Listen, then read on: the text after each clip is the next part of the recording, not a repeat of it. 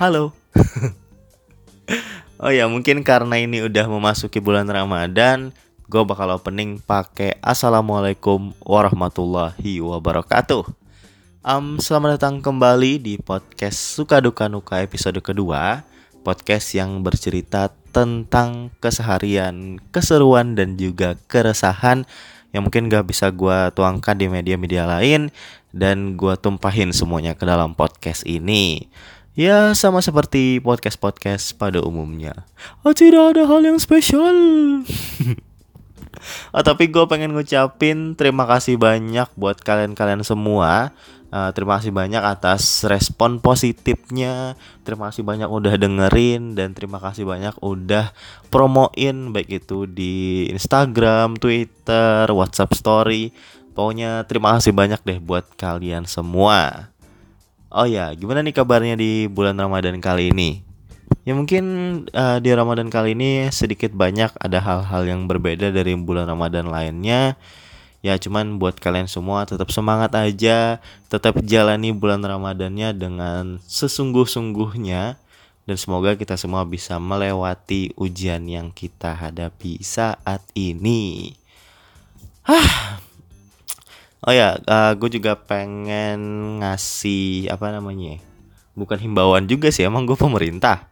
Gue pengen ngasih sedikit bukan wejangan juga kali ya Gak sedikit pesan-pesan aja nih buat kalian yang lagi di rumah aja Ya gunakanlah waktu-waktu kalian untuk melakukan hal-hal yang positif Ya terserah deh buat yang suka belajar masak Silahkan belajar masak Yang suka bikin video juga Silahkan belajar-belajar ngedit Mumpung lagi libur nih teman-teman Terus juga uh, banyak juga teman-teman gue yang lagi daftar prakerja dan ikut kelas online di Skill Academy, Bukalapak, Tokopedia dan sebagainya.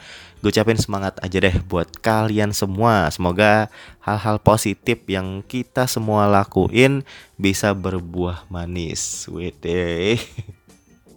ya kapan lagi nih teman-teman mumpung uh, lagi di rumah aja terus juga lagi Ramadan dan aktivitas di luar juga dibatasi yang mending kita isi dengan hal-hal positif aja nih jangan cuman rebahan doang rebahan doang yang kalaupun gerak ganti ganti gaya rebahan doang. Waduh. Oh ya, di podcast kali ini gue kayaknya bakal ngebahas uh, beberapa hal di bulan Ramadan yang mungkin agak berbeda di bulan-bulan Ramadan yang sebelumnya. Ya, seperti kalian tahu, di bulan Ramadan kali ini kita diwajibkan untuk tinggal di rumah aja alias PSBB nih teman-teman atau pembatasan stos sosial pembatasan sosial berskala besar yang mana kalian nggak diperbolehkan keluar. Kalau nggak salah di Banjarmasin itu jamnya dari jam 9 malam sampai jam 6 pagi.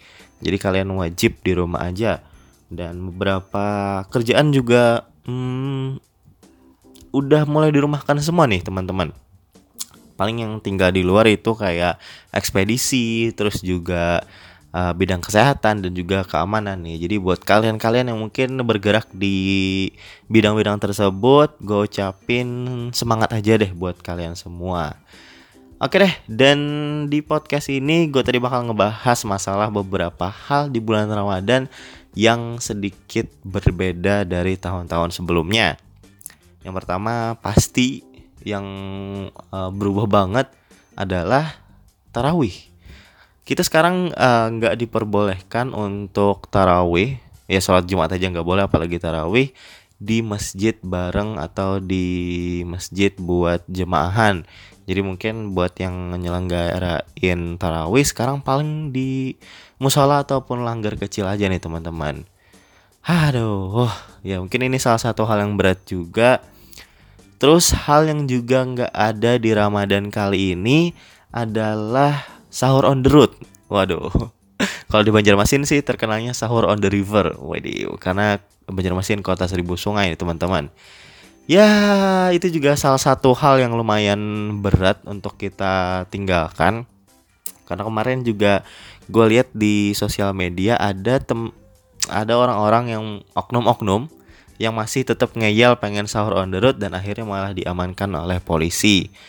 Jadi ya buat kalian yang mungkin sekarang udah ngerencanain buat diam-diam sahur on the road, yang penting kalian simpan dulu deh rencananya sampai status PSBB di Banjarmasin udah dicabut. Aduh. Ya, kita doain aja deh semoga cepet bisa pulih kembali. Terus hal lain yang juga berubah di bulan Ramadan kali ini adalah buka puasa bersama bareng. Nah, ini hal yang mungkin juga berat atau yang paling berat juga nih buat dijalanin.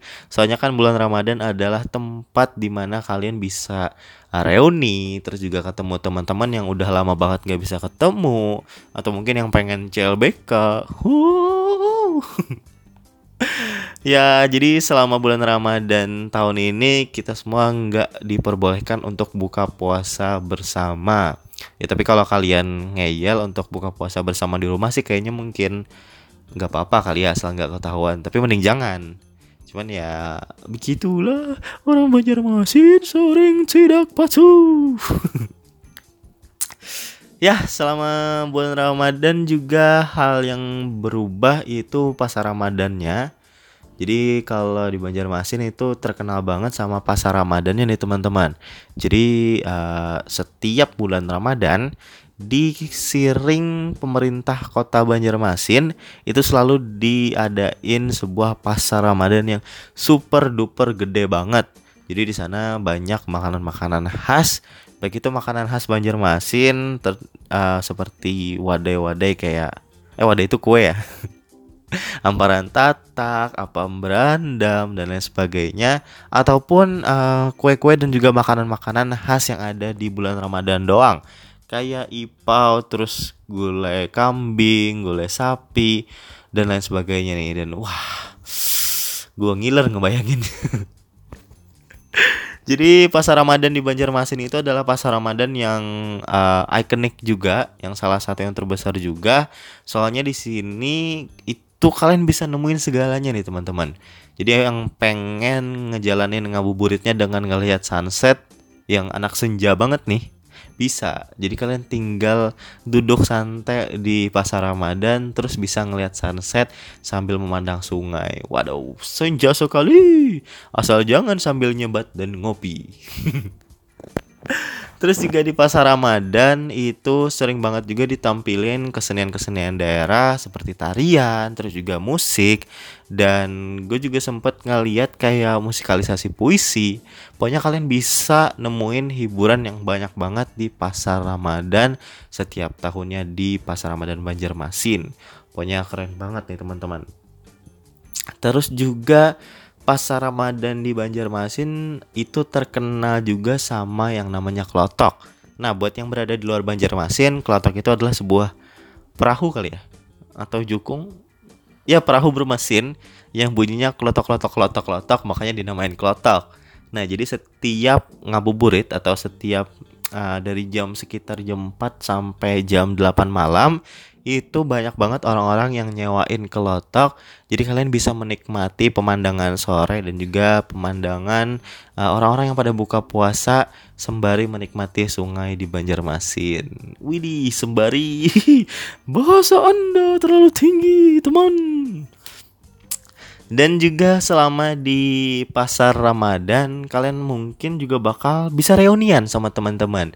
Yoi, soalnya kan uh, mayoritas orang Banjarmasin itu menghabiskan ngabuburitnya di pasar Ramadan. Jadi ya yang mungkin jarang ketemu teman SD atau jarang ketemu teman SMP, SMA, oh bisa tiba-tiba ketemu sama teman-temannya di pasar Ramadan. Uh, pokoknya asik banget dah dan yang mungkin juga pengen ngajakin gebetan nah sahabat ada yang angkat tapi bukan pacar juga sering banget tuh gue temuin di pasar Ramadan Banjarmasin.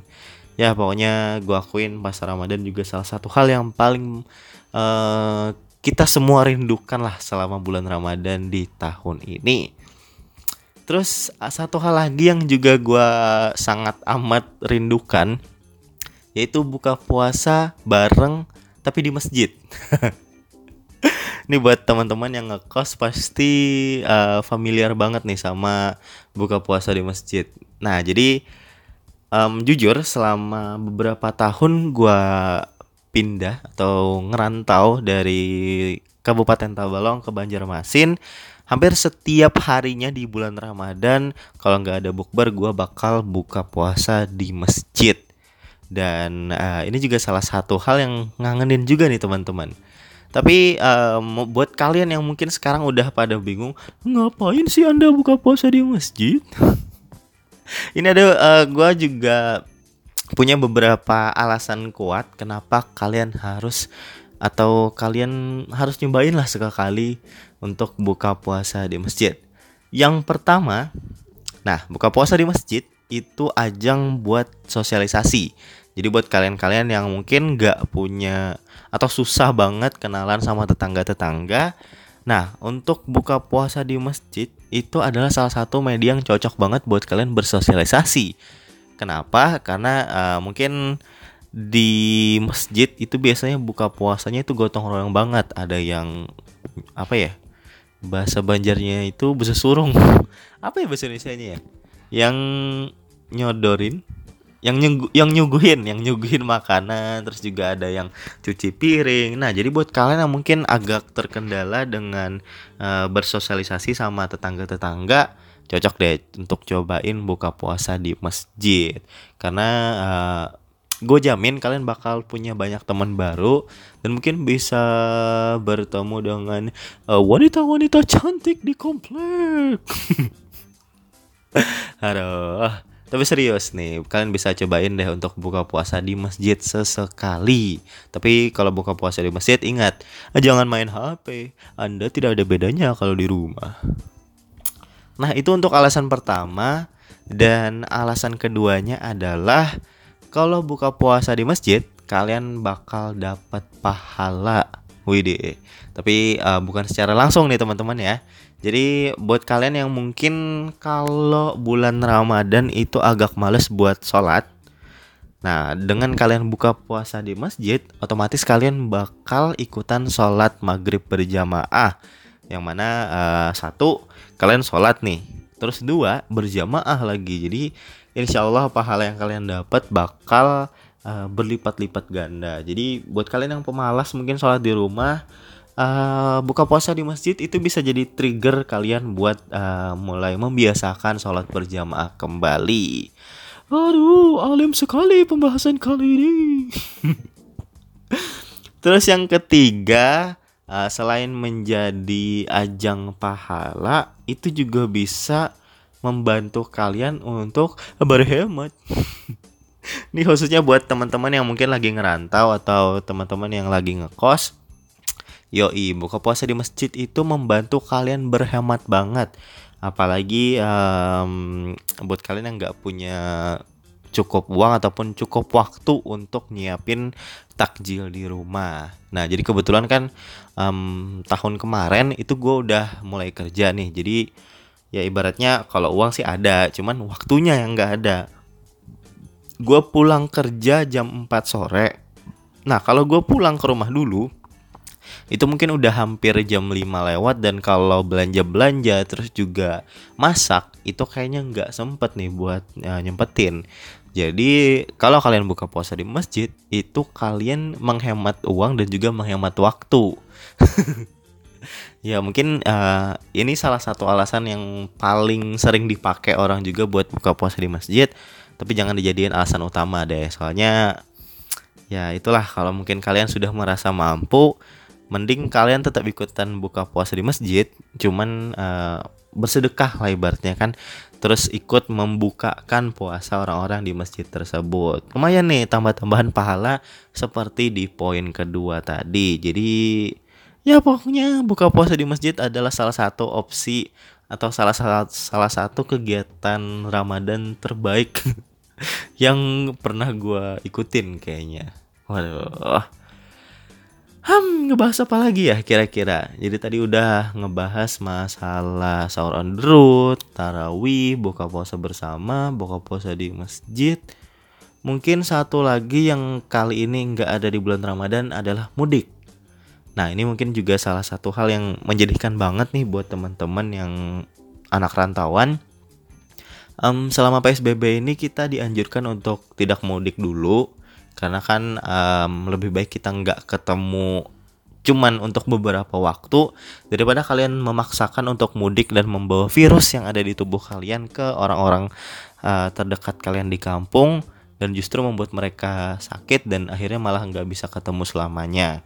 Jadi buat teman-teman yang sekarang mungkin di rantauan, semoga kalian bisa nurutin deh apa himbauan pemerintah biar yang namanya penyebaran virus atau penyebaran rantai virus COVID-19 nggak bakal terus menyebar. Ya mungkin ini salah satu hal yang paling berat juga buat para anak rantauan karena udah jarang pulkam, jarang mudik. Eh tahu-taunya pas Ramadan juga dilarang buat mudik. Aduh. Ya tapi enggak tapi nggak apa-apa lah.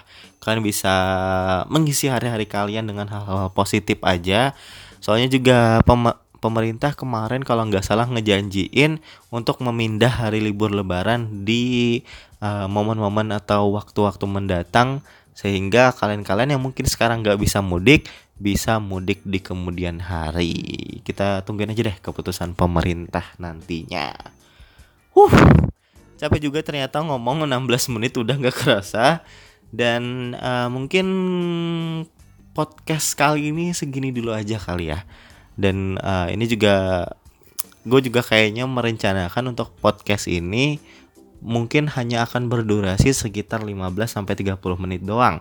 Jadi buat kalian-kalian yang mungkin agak bosanan terus juga nggak punya banyak waktu itu bisa tetap dengerin tanpa harus kepotong-potong. Ya karena jujur gue sendiri sering banget dengerin podcast cuman waktu kayak misalnya sudah 15 menit atau 20 menit terus ada hal yang harus dikerjain lah akhirnya terus kepotong nih teman-teman jadi ya akhirnya nggak kedengeran lagi jadi ya mungkin ke depannya gue bakal tetap bikin format sekitar 15 sampai 30 menit doang. Jadi nggak bakal kepotong kalau kalian ada kerjaan mendadak gitu ya kan. Terus gue juga kayaknya bakal ngerencanain untuk upload itu seminggu sekali kali ya. Idealnya sih seminggu sekali cuman kalau gue rajin gue bakal upload mungkin seminggu dua kali seminggu tiga kali atau tiap hari seperti Atta Halilintar.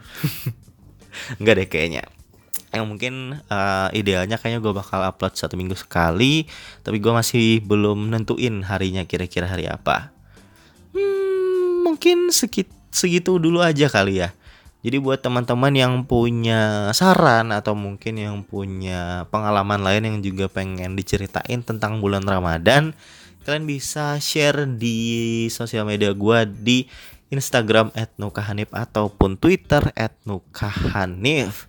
Dan gue pengen ngucapin terima kasih sekali lagi deh buat kalian-kalian yang udah mau dengerin podcast ini. Dan semoga podcast ini bisa menghibur dan juga memberikan manfaat dan gue juga pengen minta sarannya nih buat teman-teman. Kira-kira apakah gue tetap bikin podcast dengan uh, per poin kayak podcast kali ini, atau mungkin gue nantinya bakal cerita ngalor ngidul aja kali ya. Ya uh, terserah kalian aja deh. Kalian bisa tentuin dengan kirimin respon-respon ke sosial media yang udah gue sebutin tadi. So mungkin segitu dulu aja kali ya. Kalau ada salah-salah kata, gue mohon maaf. Dan semoga kalian semua bisa menjalani ibadah di bulan puasa dengan sebaik-baiknya. Semoga amal ibadah kita semua diterima. Dan semoga COVID-19 udah berhenti penyebarannya secepat mungkin di Indonesia uh, di Banjarmasin ataupun di dunia.